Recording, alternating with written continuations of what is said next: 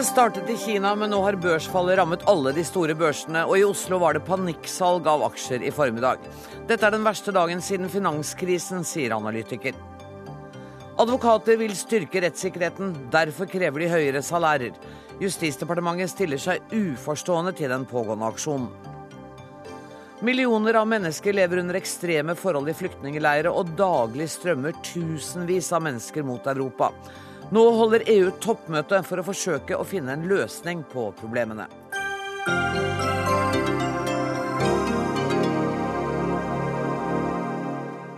Dette er ukas første Dagsnytt 18, der vi også skal avlegge en visitt inne i hodet på en gammel dame, nemlig Tordis Ørjasæter, som har skrevet bok om alderdommen. Men først. Det var tilløp til panikk da børsene i Asia stengte i dag morges. Med et fall på mer enn 8% på Shanghai-børsen er vi vitne til det styggeste fallet siden finanskrisen. Og optimismen så ikke ut til å stige da New York-børsen åpnet eh, i ettermiddag. Øystein Dørum, sjeføkonom i DNB Markets. Hvor nervøst er markedet nå?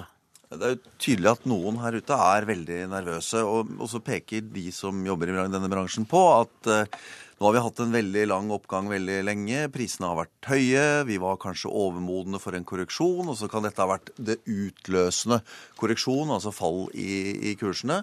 Og så er det selvfølgelig en del underliggende bekymring her, relatert til uh, hvor tiltroen til, eller frykten for, at kinesisk økonomi, verdens største, kan gå mye dårligere enn det man har sett for seg. Men det er ikke bare fundamentale forhold som ligger bak når vi har denne type korreksjoner. Det kan være litt tilfeldig også. Um, ta på deg hodetelefoner, Elisabeth og Holvik. Jeg skal snakke med deg etterpå. Men først nå skal vi snakke med vår USA-korrespondent uh, Gro Holm. Det var tegn til panikk også da New York-børsen åpnet halv fire. Men har det roet seg, altså norsk tid, har det roet seg litt nå? Ja da, det har roet seg litt. Dow Jones-indeksen var jo sunket med 6% i tillegg til det den sank på fredag, som var mellom 3 og 4 Teknologiindeksen Nasdaq eh, var også sunket. Eh, de har gått tilbake til et sted nå rundt 4, men, eh, men det er allikevel en betydelig nedgang hvis man ser i forhold til begynnelsen av forrige uke. Hvordan er reaksjonene på dette? Ja, reaksjonene er jo veldig stor grad av usikkerhet. Og eh, det i en situasjon hvor amerikansk økonomi egentlig ikke går så dårlig. Det var jo ventet at sentralbanken kanskje ville sette opp renta noe fra null i september. Nå spekuleres på at det ikke blir noe av, fordi eh, nervøsiteten gjør at man fortsatt må ha det virkemidlet for å holde den amerikanske økonomien i gang. Eh, det vekker jo selvfølgelig bekymringer i deling, deler av amerikansk økonomi, dette at oljeprisen er blitt så lav. Eh, amerikansk amerikansk lettolje selges nå for under 40 dollar fatet. og det eh, for, for, de som eh, satser på skiferolje, f.eks. i Nord-Dakota, hvor også Statoil er med, så er jo det selvfølgelig bekymringsfullt. og For øyeblikket så er det bare en tredel av eh, boreriggene som er i drift, sammenlignet med hva det var i fjor høst. Og det er ingen som tør å si at dette var et blaff, nå er det over og vi går inn i stabilt farvann igjen? Nei, nettopp som Dørum var inne på, det er stor usikkerhet om hva som egentlig er situasjonen i kinesisk økonomi, om den har vært holdt så å si kunstig oppe. og Et par økonomer jeg snakket med, som begge hadde bakgrunn fra Kina her i forrige uke, de sa at uh, Kina har jo uh, overinvestert og bygget ut i boliger. Det står 70 70 millioner ledige boliger på markedet. og Også deler av infrastrukturen er, er det overinvestert i.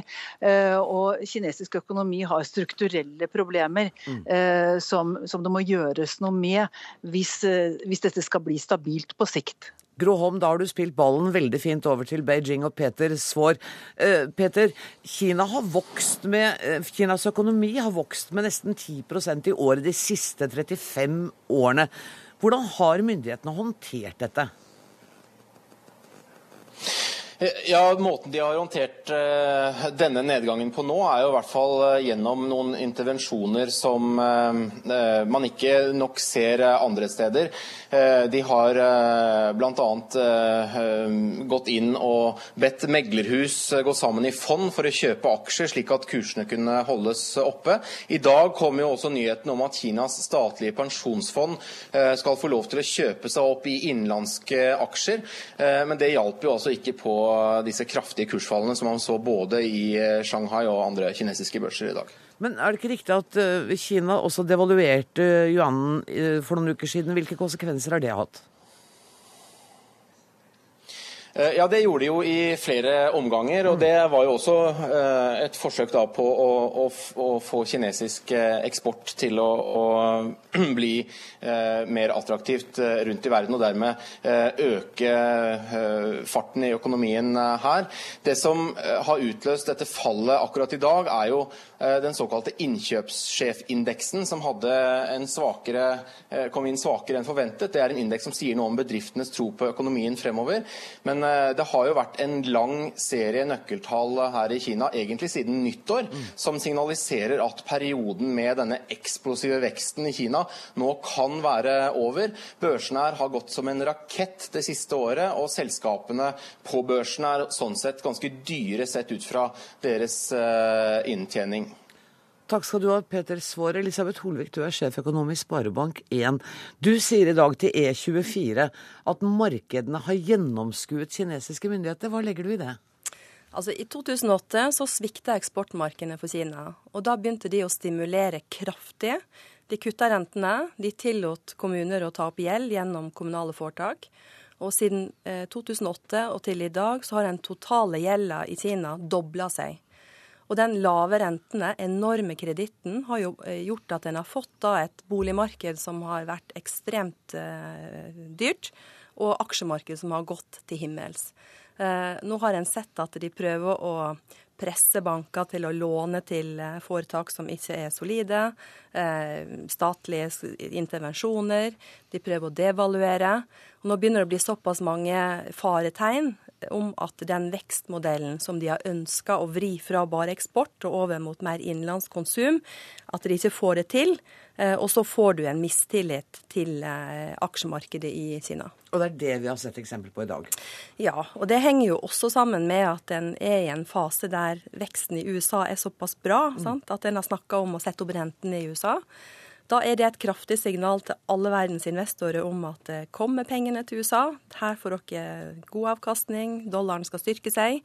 Og så har en tråkket penger ut av alt som eh, har vært eh, spennende i perioden med Kina-tema. Og der har jo olje også vært. Så vi jo med, var jo med på reis, Kina-reisen opp, mm. og vi blir sånn sett dratt med ned nå når Kina er upopulært. Øystein Dørum sa at det som skjer i dag, er ikke nødvendigvis bare fundamentale endringer. Det kan være andre ting også. Er du uenig? Etter det du sier nå, så høres det ut som du ser mer det fundamentale i det. Ja, men du skal huske at det er mennesker som sitter og kjøper og selger. Og det vi mennesker blir styrt av, det er frykt og grådighet. I hvert fall de som ikke er Ja, de fleste av oss blir i hvert fall drevet av det. Og det gjelder også de som sitter i aksjemarkedet og valutamarkedet.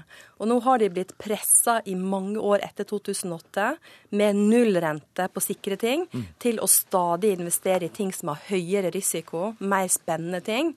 Da er nervene i høyspenn, og det skal lite til at de da får panikk eller blir redde, og så trekker de pengene hjem der det er trygt. Og sånn som jeg har skjønt det, så I Kina så er det 10 eh, millioner, 20 millioner enkeltmennesker som har liksom tatt opp lån for å eh, investere i aksjer, fordi at det har myndighetene oppfordret til. De har tatt sparepengene sine. Det er liksom ikke, det er ikke mangemilliardærene som taper bitte lite grann. Nei, men, men eh, jeg tror det dominerende her er at det er Kina har et veldig høyt sparenivå. De har et høyt sparenivå fordi at de har bare ett barn. Og har de en sønn, så skal de sørge medgift så vedkommende blir gift. Har de en datter, så skal de betale for pensjonen til seg selv fordi datteren forsvinner, den som skal forsørge dem. De har eh, dårlig utviklet kredittsystem, de har dårlig utviklet velferdssystem. Alt det gjør at de har en veldig høy sparing. De får ikke lov å ta sparepengene ut. Da setter de dem i boligmarked, de setter dem i aksjer. Og så driver de prisene på boliger og aksjer til værs. Og det at aksjekurset først drives opp til verdier som er hinsides eh, riktig prising, og så faller fra de nivåene, er egentlig ikke noe krise. Det betyr at noen trodde var litt rikere enn de var, og så ble de litt fattigere. Men det har ikke påvirket etterspørselen deres og forbruket deres. Men når dette får denne type ringvirkninger, så er det som eh, Elisabeth er inne på, at Kina er i ferd med å gå fra én statsstyrt, investeringsdominert, eksportledet vekstmodell og over til en annen hvor de i større grad skal liberalisere, de skal satse på markedet, det er det private forbruket som skal drive dette her. Og så lykkes de ikke helt i denne liberaliseringen. De får støy i aksjemarkedet de ikke liker. De får støy i valutamarkedet de ikke liker. Jeg liker ikke begrepet devaluering, fordi at de, det de gjorde, Nei, okay. var å utvide svingningsrommet for å gjøre kursen mer markedstilpasset. Eh, og jeg tror egentlig ikke det primære ønsket var å få en mer mm, hva skal jeg si, konkurransedyktig valuta. Og så vet man jo at veksten i Kina uansett skal ned. For de er ikke et fattig land lenger. Nå er Kina et middelinntektsland. De kommer til å vokse svakere. Og så er man bekymra for ubalansene. Den høye gjelden, den høye boligbyggingen, de høye byggingen av fabrikker og andre ting. Så det, er, det ligger under her, og det gjør at et børsfall i Kina ikke blir et skuldertrekk, men smitter. Det smitter globalt. Men, men dere helt til slutt, veldig kort. Altså, Hvor stor betydning får dette for det norske markedet? Det får jo stor betydning fordi oljeprisen er så nært knytta til dette investeringstemaet. Sant? Når eh, dollaren er sterk og alle pengene går til USA, så går de også ut av olje eh, som finansielt investering. Eh, og vi ser jo hvordan eh, aksjen også i Norge går ned. Det påvirker jo hva vi kan forvente å få spare, på sparepengene våre. Og så vil jo mest sannsynlig Norges Bank svare på den lave oljeprisen med å kutte renta. Og da blir det jo enda billigere å låne og enda mindre penger igjen for de som sparer i bank. Er dere litt letta over at dere ikke er finansministre som nå skal sitte og planlegge et budsjett når man ikke vet hvordan virkeligheten ser ut om noen uker? Dere? Ja, det hadde vært veldig gøy å være finansminister. ok, jeg mente ikke å tilby dere jobben. Nei, jeg, jeg, tror aldri jeg kommer til å få det tilbudet heller. Men dere skal ha hjertelig takk for at dere kom, begge to, Øystein Dørum og Elisabeth Holvik. Dagsnytt 18 alle hverdager kl 18.00 på NRK P2 og NRK2.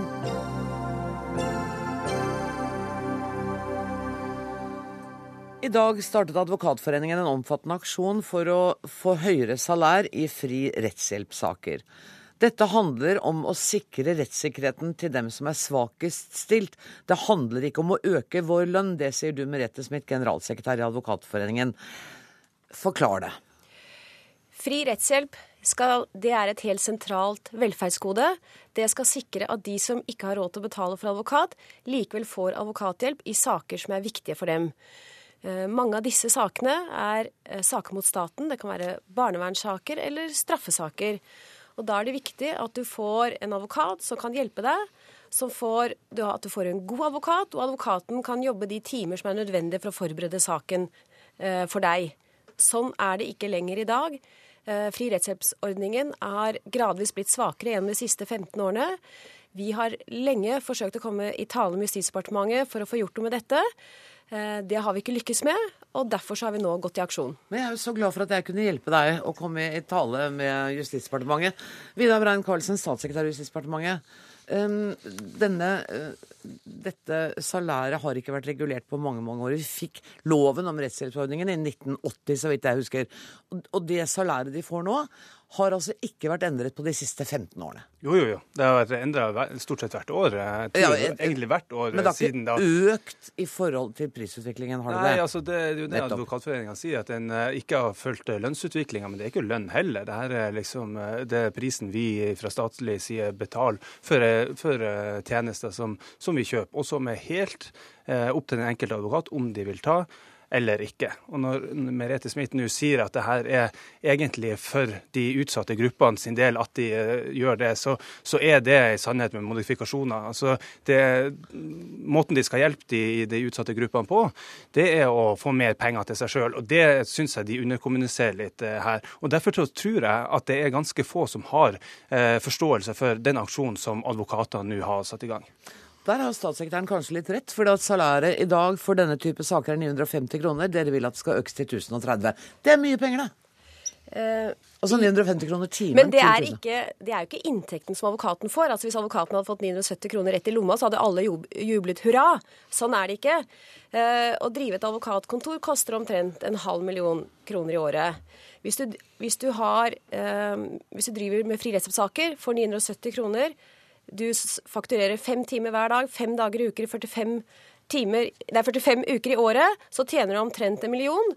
Uh, og du har med en utgifter på en halv million, så sitter du omkring igjen med omtrent en halv million i inntekt. Og det er norsk som, gjennomsnitt. Men er det Nei, mange advokater som lever av fri rettshjelpssaker? Nei, nettopp ikke. Fordi det er ikke mulig. De må ha andre saker i tillegg. Og i forhold til det eh, statssekretæren sier, så tror jeg ikke egentlig han tror på det. Og la meg si hva Fremskrittspartiet sa for noen år siden. Da sa de at eh, Fremskrittspartiet er opptatt av at kvaliteten på rettshjelptjenesten er høy. Og de frykter at kvaliteten svekkes dersom salærsatsen ikke blir høyere. Og De sier også at de er redd for at det kan eh, bli et A- og B-lag innen advokatnæringen, noe som vil medføre at de som er avhengig av fri rettshjelp, ikke kan velge blant de beste advokatene. Samtidig dere. så foreslo de en salærsats på 1000 kroner. Mm. Det var i 2008. Det hadde i dag vært 1240. Det er faktisk mer enn det vi krever. Det er riktig at vi skrev det i 2008 etter gode innspill fra Merete Smith og Advokatforeninga. Og da ba vi om å få en utredning på en salærsats på opptil 1000 kroner. Eh, Nå er vi nesten der. Det er det ene. Det andre er at vi så ikke den utviklinga som Advokatforeningen har sagt. Vi, eh, fortsatt så tas alle de her oppdragene av gode advokater.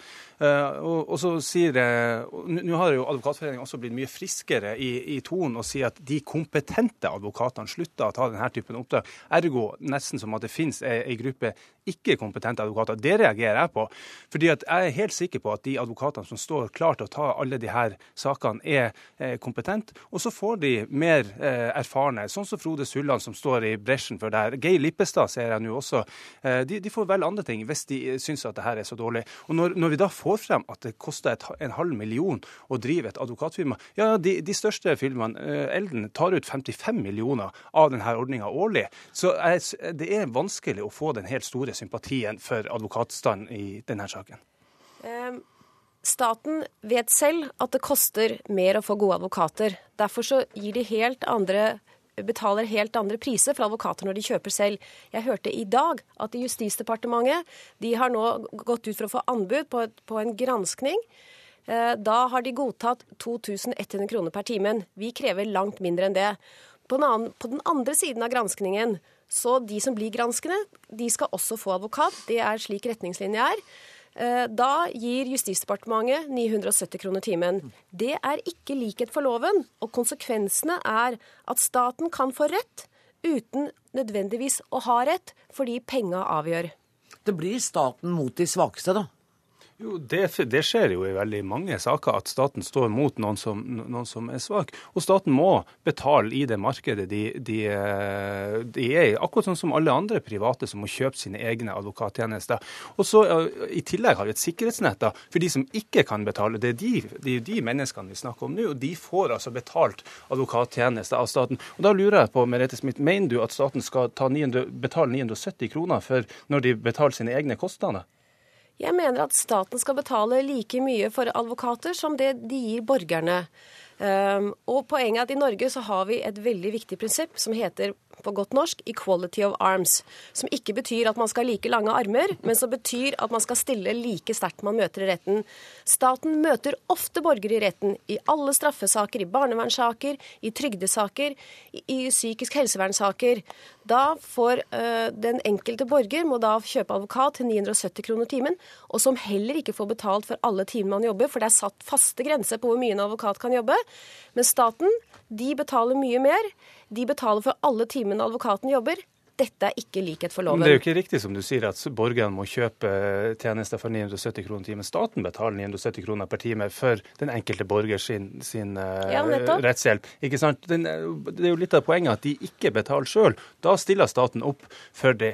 Og så, så, er jeg helt sikker på at det er godt mulig å drive god advokatvirksomhet. Nå var dere inne på eh, det om man driver bare med den typen oppdrag eller ikke. Det har alltid vært sånn at advokatene blander oppdrag med vanlig sats og denne typen. Og så får de en veldig sikker ikke betaling i bunn når, staten, eh, når de tar statlige oppdrag, som forsvarer eller fri rettshjelp. Men handler det ikke også til sjuende og sist om respekt for det fri rettshjelp-begrepet og det oppdraget?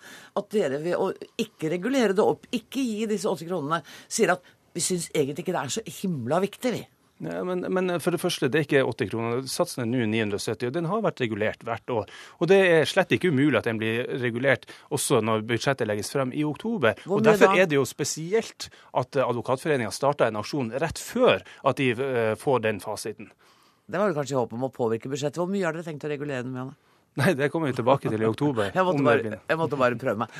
Det handler veldig mye også om at man skal kunne få gi god rettshjelp. Eh, et eksempel. En advokat eh, i en barnevernssak representerte fire barn. Eh, staten mente at det var helt tilstrekkelig at man eh, leste seg opp, at man forberedte seg for det ene barnet. De tre andre kunne liksom bare seile sin egen sjø.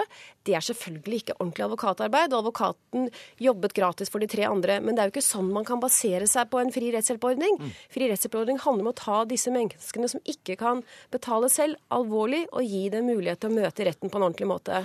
Men har det vært tungt i dag? For dere tilhører jo helt udiskutabelt en av landets høyest lønnede yrkesgrupper. Det er få som konkurrerer med det.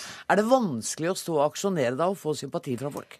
Eh, nei, det har ikke vært det, heldigvis. Og det, man kan ikke skjære alle advokater over én kam, selv om mange ønsker å gjøre det. Det er utrolig stor forskjell på hvor mye advokater og advokater tjener. Det er ikke Aker Brygge-advokatene vi snakker om her. Det er ikke de som gir fri, fri rettshjelp. Det er helt andre advokater med helt andre inntekter. Og som fortsatt tjener mellom 600 000 og 1 million i året på å ta denne typen saker, og som har full valgfrihet til å ta andre oppdrag hvis de heller ønsker det. Jeg, jeg brakte dere sammen, men jeg klarte ikke å få til noen enighet. Dere skal ha tusen takk for at dere kom, Merete Smith Smith Vidar Brein Karlsen.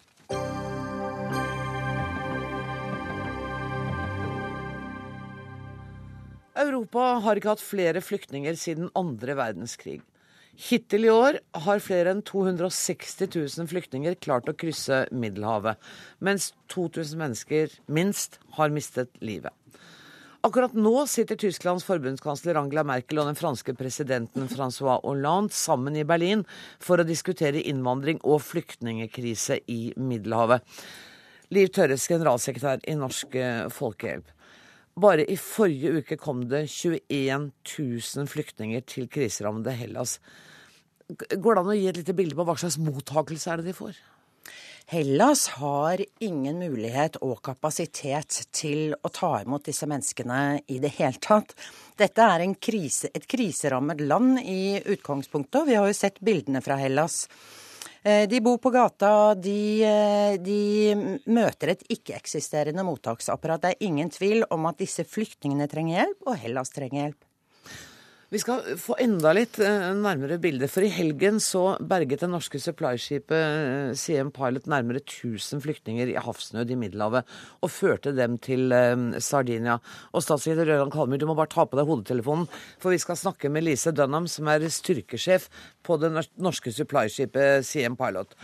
Um, Lise Dunham, velkommen til Dagsnytt 18. Hva, hva var det som skjedde i helgen?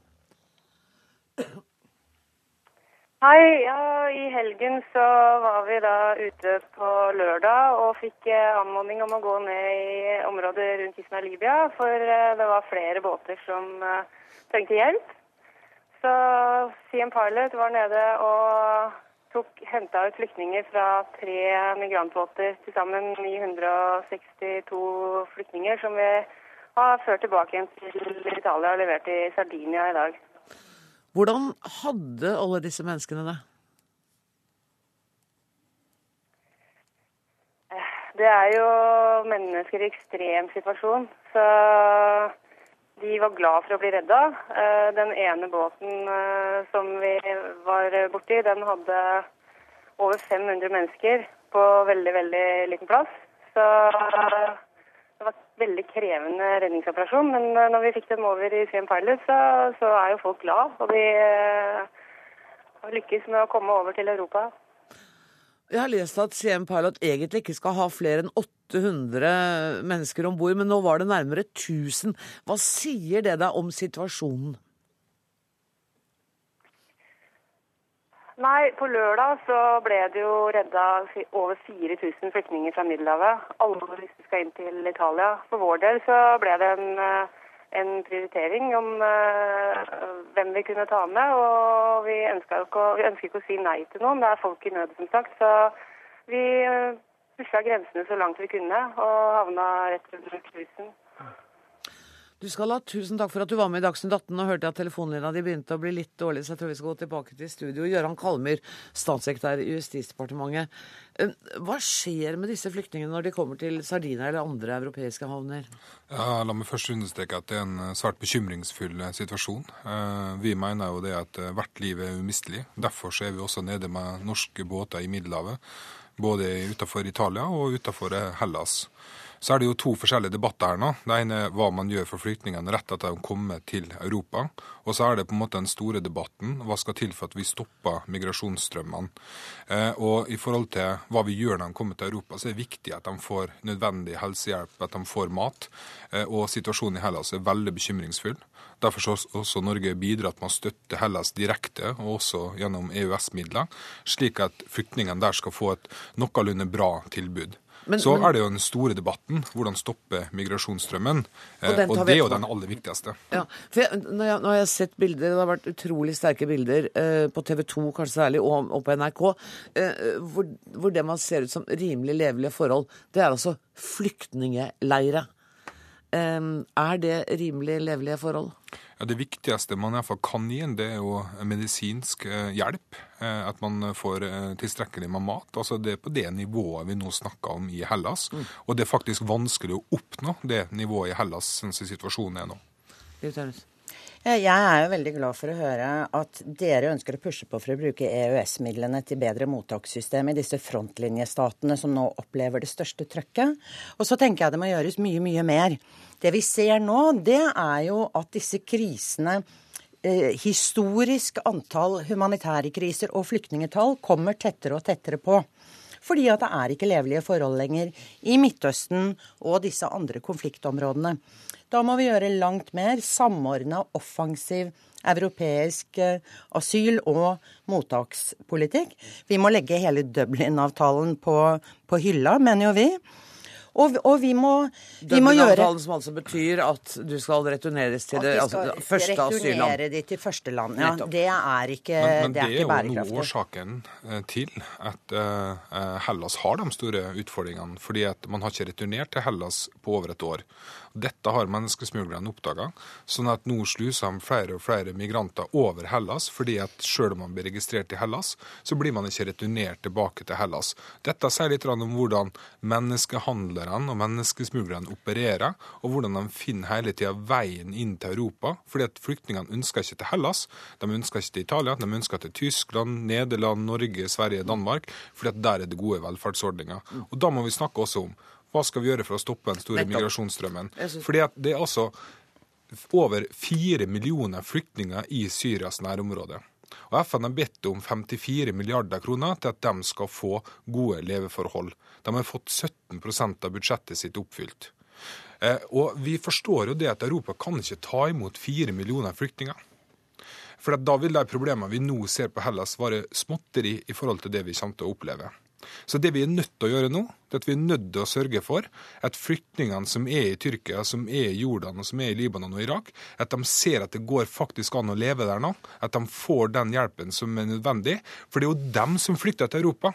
Det er veldig få som flykter direkte fra Syria til Europa. De kommer fra Tyrkia. De kommer under relativt sett trygge forhold. Det er ikke krig der de er nå, men de kommer altså til Europa for at der ser de et fremtidshåp. Mm. Men mange av dem kommer fra krigsområder, la oss bare innrømme det. Veldig få kommer direkte fra Syria. Det er nesten ingen som nei, kommer direkte ut fra Syria. De kommer først til Tyrkia. Ja, der får nesten alle opphold, men de har ikke noen fremtidsutsikter nå. og Derfor så må vi hjelpe dem å få de fremtidsutsiktene. Mitt lille poeng var bare at de kommer fra Syria i utgangspunktet, fordi der er det faktisk krig. Og jo, det vi er... driver med, er å, å behandle symptomene. Ja, og hva da... gjør vi for å få stoppa den men, krigen, men da... lurer jeg det litt ja, på. Men da er det en veldig viktig dimensjon her som man må ha med seg. Fordi at alle sier at man kan ikke hjelpe dem i nærområdet, for der er det krig. Men det er altså ikke riktig. Men det er, altså det ingen som sier, da. Det er altså, jo, det har Flyktninghjelpen sagt, og det har mange andre sagt. Det er altså over fire millioner flyktninger som ikke er i en krig, som trenger hjelp nå. Som ikke er i en krig lenger, men de har vært det. Vær så god. Men, men altså, det er, jeg skal ikke snakke på vegne av andre organisasjoner, men jeg har ikke hørt noen av de, store, de fem store organisasjonene i Norge si at vi ikke kan hjelpe de nærområdene.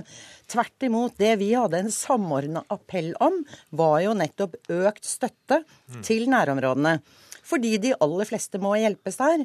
Og hvis du husker, så ba vi om en ekstraordinær milliard på mm. toppen av det som gjøres nå. Ferske penger, riktignok, og vi kan diskutere hvor pengene skal tas fra etterpå. Men fordi det nettopp er krise i nærområdene. Og vi ser jo også en reell fare for at denne krisen i Syria kan spre seg til nærområdene. Ustabilitet i Libanon, i Jordan, Irak eh, kjenner vi situasjonen i. Så, og da, da, er, da, da, vil vi se tall som er langt høyere enn det vi nå ser, bevege seg desperat over Middelhavet.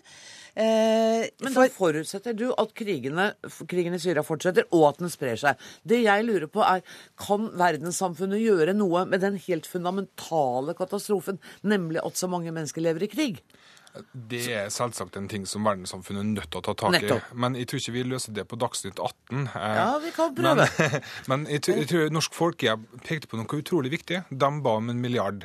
De sa sjøl En eh, ekstra milliard. En ekstra milliard, ja. Det er riktig. Mm. De fikk 250 millioner av Stortinget når de vedtok at 8000 syrere skulle få opphold i Norge.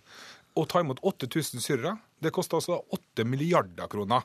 Eh, og eh, hvis du tar med asyltilstrømninga i Norge bare på syrerne, så har det kosta altså 1,6 milliarder ekstra bare siden vedtaket i Stortinget ble gjort.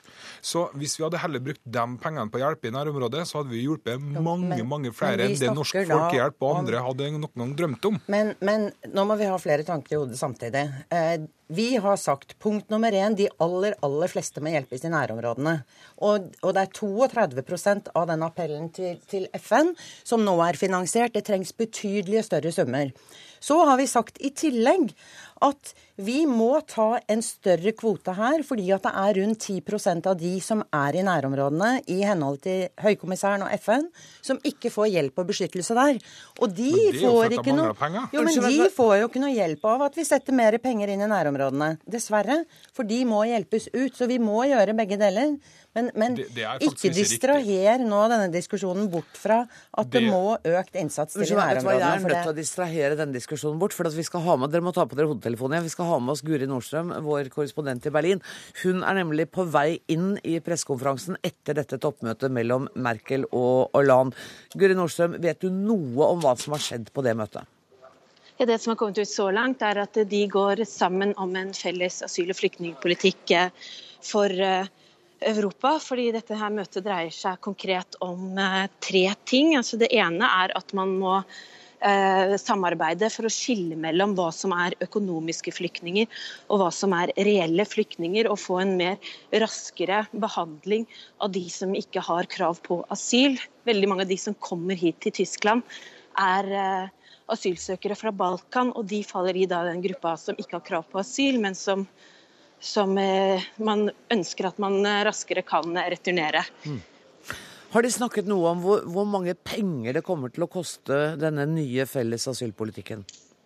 Så langt har det ikke kommet eh, noe ut om akkurat det. En pressekonferanse er ventet her nærmere klokka sju. Nå har vi akkurat kommet gjennom sikkerhetskontrollene til den. Men EU eh, eh, e mener jo også at det er veldig mye de kan gjøre med det de allerede har. Eh, blant annet så er det jo allerede planlagt at man skal sette opp mottakssentre i Hellas og Italia for oss for også å identifisere hvilke asylsøkere som faktisk er, er, reelle der. Og dette har vært noe som både Tyskland og Frankrike har vært ivrige på at skal komme i gang så fort som mulig. Mm. Guri Nordstrøm, takk skal du ha i denne omgang. Jeg regner med at jeg kommer til å se deg i Dagsrevyen også. Jeg må også si takk, takk til Gøran Kalmyr og til Liv Tørres.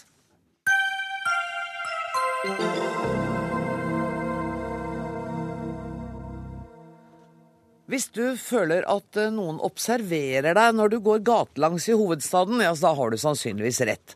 For overvåkingskameraer florerer, og ofte er de verken skiltet eller innmeldt i Datatilsynets register. Det skriver Aftenposten i dag. Gunnar Larsen, du er administrerende direktør i Oslo Handelsstandsforening, og mange av dine medlemmer har satt opp overvåkingskameraer både i og utafor butikkene. Eh, fortell meg, hvorfor gjør de det? Jeg skjønner det med butikktyver, altså, men ja, det er mer enn det. Det, det, er, det er en liten, en liten del av det. Eh, det er jo for å sikre trygg handel og trygg by. Det er for å trygge de som kommer til oss med ærlige hensikter. Hvilke farer er det vi er utsatt for som dere vil hindre oss i å oppleve? Eh, en av farene er jo eh, Man ser at vi driver med post i butikk og bank i butikk. Identitetstyveri og korttyveri er et ganske stort problem. Og når man kan identifisere brukeren som da ikke er eier av kortet, så har vi hatt flere eksempler på at politiet har klart å finne gjerningspersonen. Men, men, det er jo et veldig lite antall butikker da, som driver med bank i butikk og post i butikk. Eh, de aller færreste driver med det. Så allikevel så har jo massevis altså Vi snakker vel om flere tusen som har satt opp kameraer.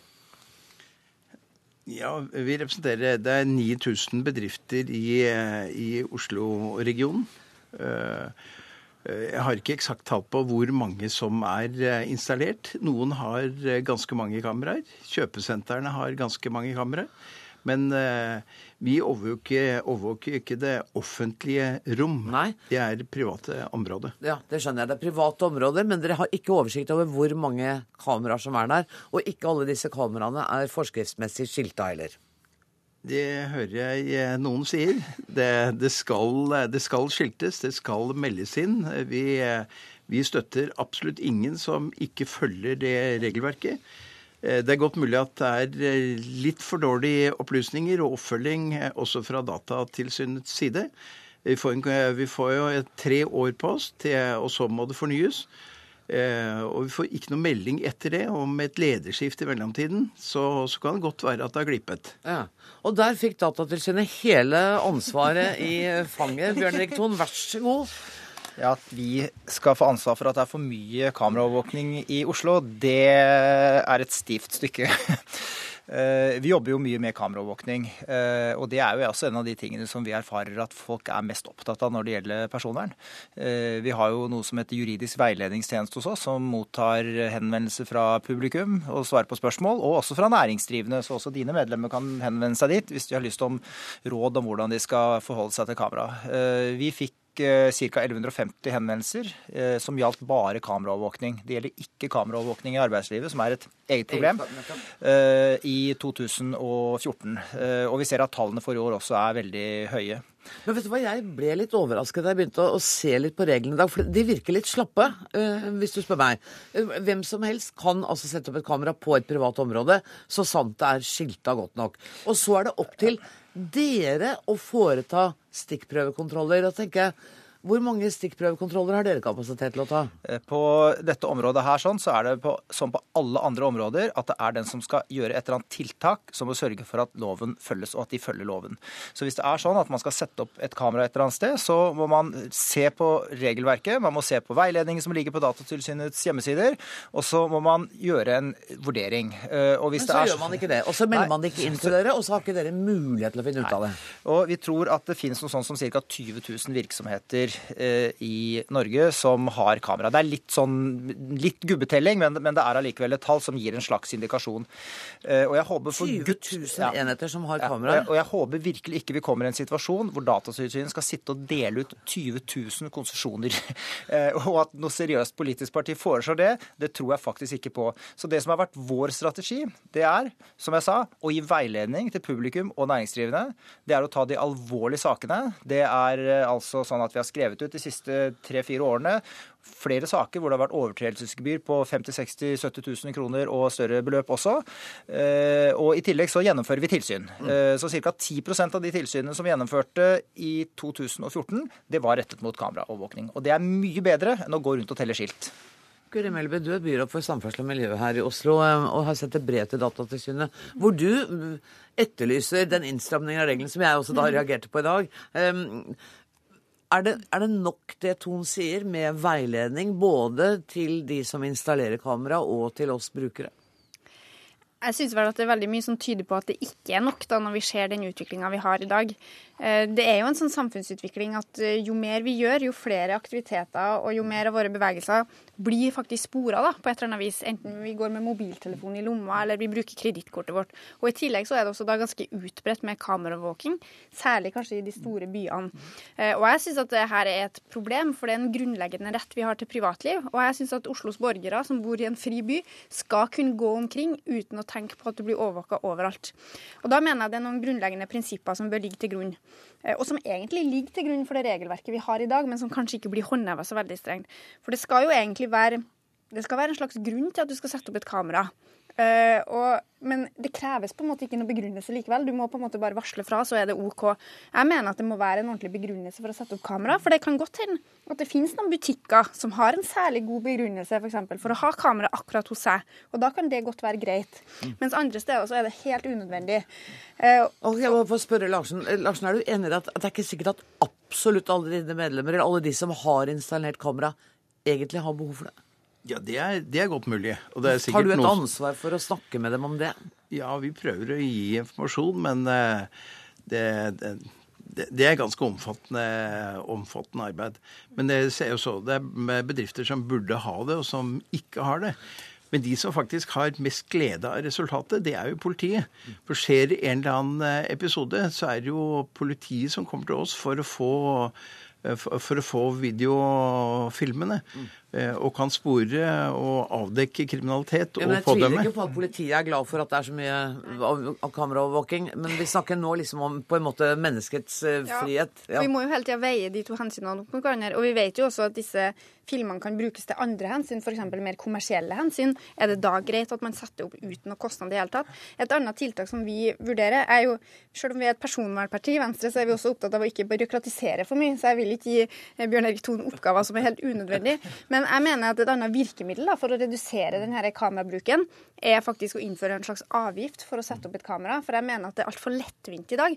Og du, har, du, velger liksom ikke mellom alternativer. Det er ganske billig å sette opp, og det koster egentlig ingenting å følge med på det.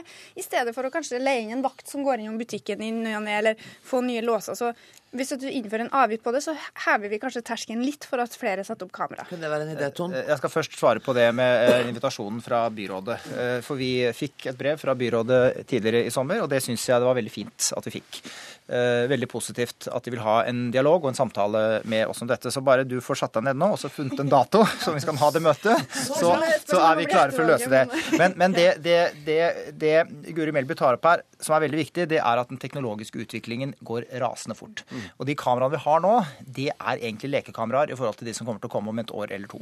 Eh, da kommer det til å komme svært avanserte kameraer som kan analysere ganglaget vårt, som kan plukke ut folk med rød genser eller blå topplue. eller hva det måtte være. Eh, og For oss er det veldig viktig å prøve å ligge i forkant av den utviklingen. Og jeg, holder, og jeg holder faktisk fast ved det at den riktige måten å prøve å gjøre noe med det som klart er en krenkelse av personvernet, nemlig for mange kameraer, det er ikke å gå og gi konsesjoner eller å telle skilt. Nei. Det er å forsøke å jobbe aktivt med bransjen, som vi nå gjør. Vi har, skal lage Jeg prøver å signalisere at tida er ute, jeg nå. Du ja, fikk ikke med deg det. Du prøver å late som du ikke veit det. Men det er veldig bra. Dere prøver å ta det som er i tida, og så må dere heller komme tilbake når disse fantastiske kameraene kommer om et år eller to eller tre. Tusen takk for at dere var i Dagsnytt 18. Guri Melby, Gunnar Larsen og Bjørn Erik Thon. Hør Dagsnytt 18 når du vil. Radio NRK Radio.nrk.no.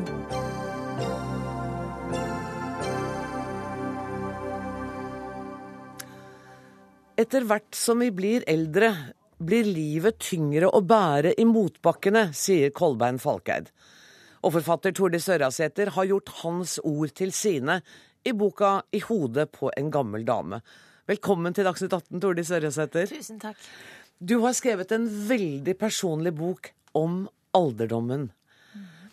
Hva var det du tenkte da du begynte å skrive? Skulle det være en slags selvhjelpsbok til andre, eller hva tenkte du? Definitivt ikke. Nei. Jeg skrev nok bare fordi jeg hadde lyst på å skrive simpelthen. Er man et skrivende menneske, så går man til PC, og så skriver man. Mm. Det var vel først etter at jeg hadde skrevet ganske lenge, nærmest for meg selv, at jeg tenkte ja, men dette kan jo også være noe for andre. Og da ble det spennende etter hvert. Og jeg, som du siterte meg fra Kolbein Falkeid, jeg er jo så glad i poesien. Det har vært en, jeg føler at jeg har ikke vært alene når jeg har skrevet, vi har hatt dikterne med meg. Jeg har brukt dikterne, jeg har brukt forskerne, men selvfølgelig først og fremst har jeg brukt mitt eget liv. Mm. Og, og, om ditt eget liv er du brutalt ærlig. Du sier at enkelte dager er det sånn at du bare har lyst til å ligge i sengen. Enkelte dager er du full av selvmedlidenhet, du syns du er ensom. Men så har du funnet noen teknikker som fungerer for deg. Med å synge, f.eks. Altså, jeg tror jeg er 88 år nå. Etter hvert som man blir eldre, gammel liker helst å si, så blir man ikke gjerrig på meg selv. Jeg vet ikke hvor lenge jeg har igjen. Kan jeg kanskje bli 100 år, kanskje lever jeg om et par år, dør jeg om et par år, det aner jeg ikke. Men jeg syns at de erfaringene jeg har hatt i livet, de deler jeg gjerne med andre. Og etter hvert som jeg skrev, oppdaget jeg jo også at jeg tror veldig mye av mine erfaringer er felles med andre. Og da er livet på godt og vondt. Det er på vondt, selvfølgelig. Det er ensomhet. Det er kjenne at kroppen er skrøpeligere. Men det er også utrolig mye gleder. Gleder fordi man har fått lov til å leve så lenge. Og det er noe med alderdommen. Man er ikke gjerrig på egne erfaringer. Man kjenner at man har erfaringer på godt og vondt. Jeg deler gjerne også den gleden ved det å være gammel med andre mennesker. Du skriver at du synger for deg selv. Ja, det var et råd fra fysioterapeut. Jeg har så dårlig stemme. Det merker man kanskje også nå. Stemmen er gammel blitt. Og av og til tenker jeg er det fordi jeg har snakket for mye i livet mitt, men det har jeg ikke egentlig lyst til å tenke. Men den er skrøpeligere etter hvert. Og så sa han syng. Det er lurt. For da får du brukt stemmen, du får brukt pusten. Han ga et annet råd òg. Til gamle mennesker sier jeg syng eller dra på fotballkamp og hei og skrik. Jeg har aldri gått på fotballkamp. Det nytter ikke å begynne med det når man er 88 år. Jeg visste ikke engang hvem jeg skulle heie på. Men jeg synger faktisk litt hver eneste kveld. Og det hjelper. Ikke bare blir stemmen bedre, men ensomheten blir mye mindre. Og så er du opptatt av at du ikke bruker en moralsk pekefinger på om andre gamle mennesker velger å gjøre livene sine annerledes enn ditt. Du sier at folk må gjøre det som passer dem. Selvfølgelig. Jeg mener vi blir gamle hver på sin måte. Jeg blir gammel på min måte, andre blir gamle på sin måte. Men jeg tror en del i alderdommen likevel er felles. Mm. Det er blant annet at det skifter. Du sa dette nede i kjelleren man er lei seg om morgenen og ja. ikke orker mer. En annen dag våkner jeg veldig glad. Mm. Da smaker kaffen ekstra godt. Brødskivene med jordbærsyltetøy smaker sommer. Og saligheten er å åpne avisen, og det er ingen nye døde siden i går. Mm. For det er jo en del av alderdommen er at stadig flere av ens venner dør. Mm. Og så er det å greie å leve videre uten å synes synd på seg selv som gammel og alene. Du skriver om ensomheten. Ja, den er jo en del av det. Samtidig som jeg følte på at vel, jeg er gammel, jeg må tåle ensomheten. Det er mye verre å tenke på barn som er ensomme. Og jeg tror mange unge er ensomme. Jeg må kunne tåle ensomheten. Jeg har vært så heldig å leve et langt liv. Men da tror jeg igjen at man Ja, er det noe jeg lever etter, så er det å være åpen overfor andre mennesker. Dyrke de gamle vennene og være åpen for nye. I denne boka så, så, er det ikke bare Tordis Ørjasæter vi får møte, men du får møte mye deilig lyrikk. Og det er helt preget av at mennesker som har skrevet denne boka, har et sterkt forhold til lyrikk. Og Tordis, jeg hadde så lyst til at du skulle lese bare et lite utdrag av um, Haldis Moren Vesaas sitt dikt som du refererer i boka. Kan du gjøre det for meg? Det gjør jeg med glede. For dikt av Haldis og Tarjei, dikt av Kolbein Falkeid, Jan Jakob Tønseth, de følger meg under boka. Og Haldis skrev dette diktet da hun var 88 år. Utrolig lenge var jeg sterk og sprek og kunne holde fram min vante veg, og trodde ikke at slikt vondt som råkar så mange gamle folk skulle råka meg. Og så avslutter hun. Ikke kall oss stakkarslege når du ser oss. Kall oss heller tappere. Det er det vi er. Tordis Ørasæter, tusen takk for at du kom til Dagsnytt 18. Tusen takk at jeg fikk komme.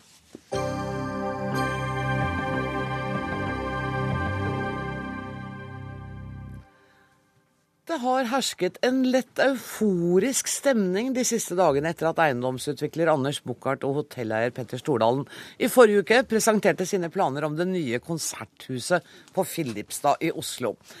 Ideen høstet det vi kan kalle politisk jubel fra folkevalgte, og saken fikk umiddelbart masse positiv omtale. Faktisk så mye positiv omtale at da vi prøvde å lage en debatt om dette i forrige uke, så lot det seg rett og slett ikke gjøre. Likevel nå har det kommet kritiske stemmer om konserthusets beliggenhet, for dominerende kommersielle hensyn, hastverksbygging og forserte demokratiske prosesser. Anders Buchardt, du er eiendomsutvikler. Overrasker det deg at det nå kommer kritikk mot det som så ut i forrige uke til å være en sånn voldsom hallelujastemning over? Overhodet ikke. Liker du det? Eh, ja, jeg syns det er bra, jeg. Eh, frykten var jo nærmest at det her bare skulle dø hen. Eh, fordi det ikke var det, og ikke ble noe meningsutveksling rundt det, og at man kanskje ikke fikk fram eh, realitetene eh, rundt dette prosjektet. Så det er, eh, det er veldig bra. Men det er jo et tankekors at, som du sier, det er liksom eh, positivitet eh, på bred front. Og det eneste man klarer å finne som er negative eller skeptiske eller kritiske, det, det må man finne i pressens rekker. Ja, det er, det er ikke helt sant det der, da. Eh, men fortell for dem som ikke har fulgt helt med. 2,5 milliard kroner. Eh, Oslos fineste tomt. Mm. Hvor dere legger premissene. Ikke, nei. Og det er en, er også en feil forutsetning. Fordi det er, det er um, tomteeier, Oslo havn, og uh, plan- og bygningsetaten i Oslo som skal uh, bestemme hva som kan bygges på Filipstad. De skal komme frem til en reguleringsplan. Og den reguleringsplanen den forteller hva som kan bygges der, og hvor mye som kan bygges der. Uh, og vi har, ikke noe, altså, vi har ikke noe påvirkning på det. Vi, vi, har påvirkning i den form at vi har kommet med dette forslaget. Og så håper vi at uh, de som jobber med reguleringsplanen, syns det er en god idé, og tenker at dette her må vi prøve å legge til rette for. Men gir dere bort 2,5 milliard kroner, eller har dere tenkt at dere skal tjene litt penger på dette her òg? Du, vi gir ikke bort en krone. Nettopp. Mm. Og det har vi heller aldri påstått. Vi tar Altså, vi investerer 2,5 milliard kroner, og det er veldig mye penger. Og går det gærent, så er vi Da har vi ingenting igjen. Da er det raka blakk, sånn at, sånn at man legger virkelig huet på blokka her og satser mye av det man har. Um, og skal det være noe poeng, så må det være utsikter til at dette her er økonomisk forsvarlig. Og da må du ha noen inntekter som på en måte forsvarer den kjempeinvesteringen dette her er. Karianne Bjelås Gilje, på en måte har han jo rett da, at vi går til våre egne rekker for å finne mm, kritikere, for du er kommentator på arkitektur og byutvikling i Aftenposten. Og du peker på noe problematisk i hvert fall ved dette prosjektet.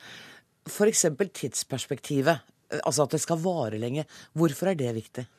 Ja, altså Jeg vil først si at eh, det er interessant at det har blitt, vært så mye positivt. Og jeg er også positiv til at private eh, krefter kan bidra til løft for kunst og kultur. Så det har jeg lyst til å si aller først.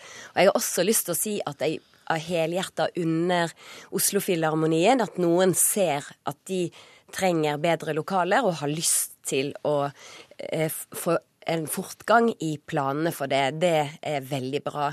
Eh, så er det altså sånn at eh, eh, Bukkert og Stordalen de sa ved lanseringen av dette initiativet at det var kun de som ville sove dårlig om natta hvis dette gikk dårlig. Så sier jeg det er en grov forenkling av utviklingen av et stort byområde som Filipstad faktisk er. Det er sånn at et byområde som skal utvikles til en helt ny bydel. Jeg har kalt det Fjordbyens siste tomt, men altså det er Fjordbyens siste store tomteareale i hovedstaden. Skal bli en bydel som skal fungere i hundrevis av år, med skole, barnehager, med eh, boliger selvfølgelig, næringsvirksomhet, publikumsretta eh, virksomhet, byrom, parker, kanskje et sjøbad. Og, og, så er det altså at dette forslaget eh, kommer, og så sier de vi har lyst til at dette skal stå klart til Filharmonien eh, feirer 100-årsjubileum i 2019. Det er fire år til. Det er uhyre kort tid i et byutviklingsperspektiv.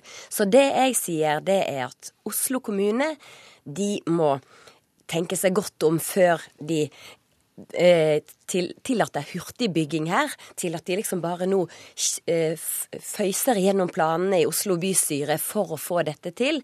Så det jeg håper er at det blir en grundig prosess. Det kan ende med at disse gutta, som virker seriøse, eh, som virker eh, interesserte i ikke bare å tjene penger på den tomta, men å bidra til at Konserthuset får bedre fasiliteter, eller til at Filharmonien får bedre fasiliteter. Det kan hende at det, det er riktig eh, at de skal få prøve eh, å utvikle dette, men jeg tror at da må kommunen stille tøffe krav. De må lære av andre prosjekt, lignende prosjekter der ting har gått ikke så bra. Og så må man kanskje se dette konserthuset i et større perspektiv på Filipstad. Har dere vært litt sånn overentusiastisk altså, Hvordan oppsto ideen? Var det, det var, over et glass deilig champagne? Nei? Det drikker vi ikke. Uh, strekker oss ikke lenger enn til en kald øl. Men uh, Nei, altså hvordan dette dukket opp, er veldig enkelt. Fordi Filharmonien har behov for uh, bedre fasiliteter. De ønsker seg svært uh, gjerne det. Og, og, offentlige, statlige penger til å bygge noe, et nytt konserthus fins ikke. Så da var det å på en måte se seg om etter andre muligheter. Og um, Oslo Filharmonien kom til oss fordi de hadde sett at dette her, bl.a. i Malmö, hadde latt seg gjøre. Men du kunne dere ha tenkt dere en annen tomt? Jeg mener Tøyen eller et annet sted? Det, det, er, det, er, det er, for så vidt ikke så interessant, fordi eh, Oslo Filharmonien har kommet til oss og sagt vi har gjort en grundig, eller de har gjort en grundig prosess. Vi har sett på ulike alternativer. Det er veldig få alternativer. Og den vi har falt ned på, det er på Filipstad. Akkurat der. Det er jo litt flaks, da, at det er liksom Fjordbyens uh, feteste beliggenhet. Så det som jeg, eh, jeg Jeg skjønner det du sier, men altså eh, det har kommet stemmer, ikke så tydelig i den offentlige debatten hittil, men som sier hva med transformasjon? Altså, og det er et sånt åpent spørsmål jeg har til deg, som jeg er reelt nysgjerrig på. Ville dere vært interessert hvis f.eks. man hadde snakket om transformasjon av eksisterende bygningsmasse og noe nybygg? Det betyr, det betyr altså ombygging? Ja, ombygging av eksisterende bygningsmasse. For det ser vi i utenlandske eh, hovedsteder eh, eller store byer. Så ser vi fantastisk spennende prosjekter der man går inn og ombygger og transformerer. Fortetter, gjør litt om. Eh, og kan bidra til kjempestore løft. Eh, er det Har dere vurdert sånne ting, eller er, er det kun Filipstad dere har sett på? Vi, altså, vi på en måte Når du er eh, Når du driver i det private næringsliv, så lever av kundene dine. Mm. Og da måte, må du lytte til kundene dine, og så må du prøve å tilfredsstille dem. Så når Oslo-filharmonien kommer og sier at det er det eneste rette stedet for oss, da bruker ikke vi masse energi på å se oss om etter andre ting. Men veldig spennende. Gjerne åpen for det.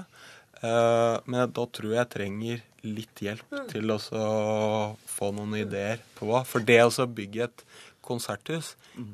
i et eksisterende bygg Altså Det er krevende, det. Nei, for, og det er veldig spennende det du sier der, for det er det jeg ønsker. Å få opp en liten diskusjon rundt rett og slett byutviklingen av Oslo er det god utvikling for hovedstaden hvis absolutt alt av kulturbygg rykker ned til sjøkanten? Og det er utrolig spennende det du sier der, at, at dere kan være villige til å tenke på prosjektet også utenom eh, den tomta, det er veldig gode nyheter. Det syns jeg er bedre nyheter enn den som ble lansert forrige uke. Fordi at jeg tror at det trenger Oslo mer av. Altså eh, ombygging og transformasjon eh, i eh, også indre by, andre bydeler enn kun nybygging langs fjordbyen. Og Anders Bukkart, du sier at du trenger litt hjelp til å tenke de banene. Det er mulig at vi nå har fått til et kaffemøte mellom dere, og faktisk kan, at det kan skje noe mer. Men dere fastholder at dere prøver, satser på, at dette nye konserthuset skal stå ferdig om fire år? Du, tidsplanen er jo viktig, eh, ikke for oss nødvendigvis, men, men for, for Filharmonien. Mm. Ja. Og de ønsker seg, svært gjerne det. Og igjen, vi prøver å tilfredsstille kundene våre. Så og det hadde bra. vært kjempegøy å få det til i forbindelse med det jubileet. Entusiasme er alltid bra. Tusen takk, Anders Bukkart og Karianne Bjellås Gilje. Ansvarlig for Dagsnytt 18 i dag har vært eh, Dag Dørum. Det tekniske ansvaret har Eli Kyrkjebø. Jeg heter Anne Grosvold og ønsker dere alle en riktig god kveld.